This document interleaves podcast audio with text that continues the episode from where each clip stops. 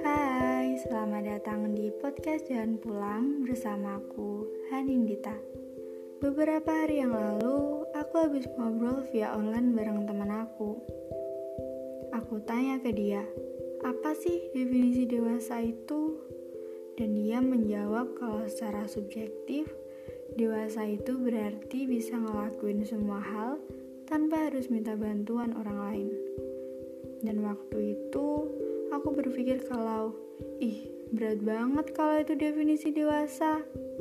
Gak mau ah cepet-cepet dewasa, takut. Tapi ternyata makin dipikirin, apa yang dibilang temen aku ada benernya juga.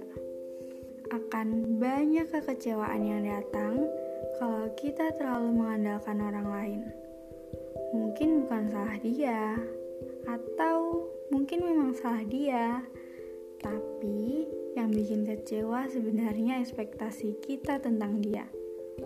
Ekspektasi yang dibuat terlalu tinggi, terlalu membahagiakan, tapi ternyata yang terjadi malah sebaliknya. Aku jadi keinget waktu kelas 10 dulu. Benar-benar menyimpan apa-apa sendirian. Gak perlu ada orang lain yang tahu. Tapi ternyata lama-lama gak kuat juga. Ternyata masih butuh teman buat cerita. Terus gimana dong? Ya bisa dibilang kalau semua ada porsinya masing-masing. Terlalu menyimpan masalah sendiri juga bisa bikin kita kewalahan, kesepian, dan kebingungan. Kesepian dalam jangka yang panjang juga bukan hal yang wajar. Itu sebabnya kita tetap butuh orang lain. Tapi, ngandelin orang lain juga ada batasnya. Gak semua harapan bisa kita kasih ke orang lain. Dunia mereka bukan tentang kita aja. Ya, kita siapa? Beberapa masalah bisa kita bagi ke orang lain untuk mendapat sudut pandang baru tentang masalah kita.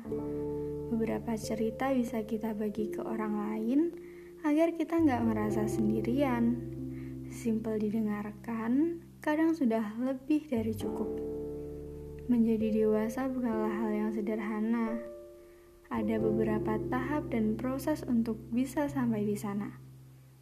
Definisi dewasa setiap manusia pun gak harus sama. Gak harus tahu sekarang juga kalau masih bingung. Tapi setiap hari kita berjalan untuk sampai di sana. Gak perlu lari menjauh, karena lari dari kenyataan gak bakalan bawa kita ke mana-mana. Gak apa-apa kalau kadang ngerasa takut, namanya juga manusia. Tapi manusia juga bisa kuat ngadepin masalah. Jadi, semangat ya. Sampai di sini dulu podcast kali ini. Sampai jumpa di episode selanjutnya.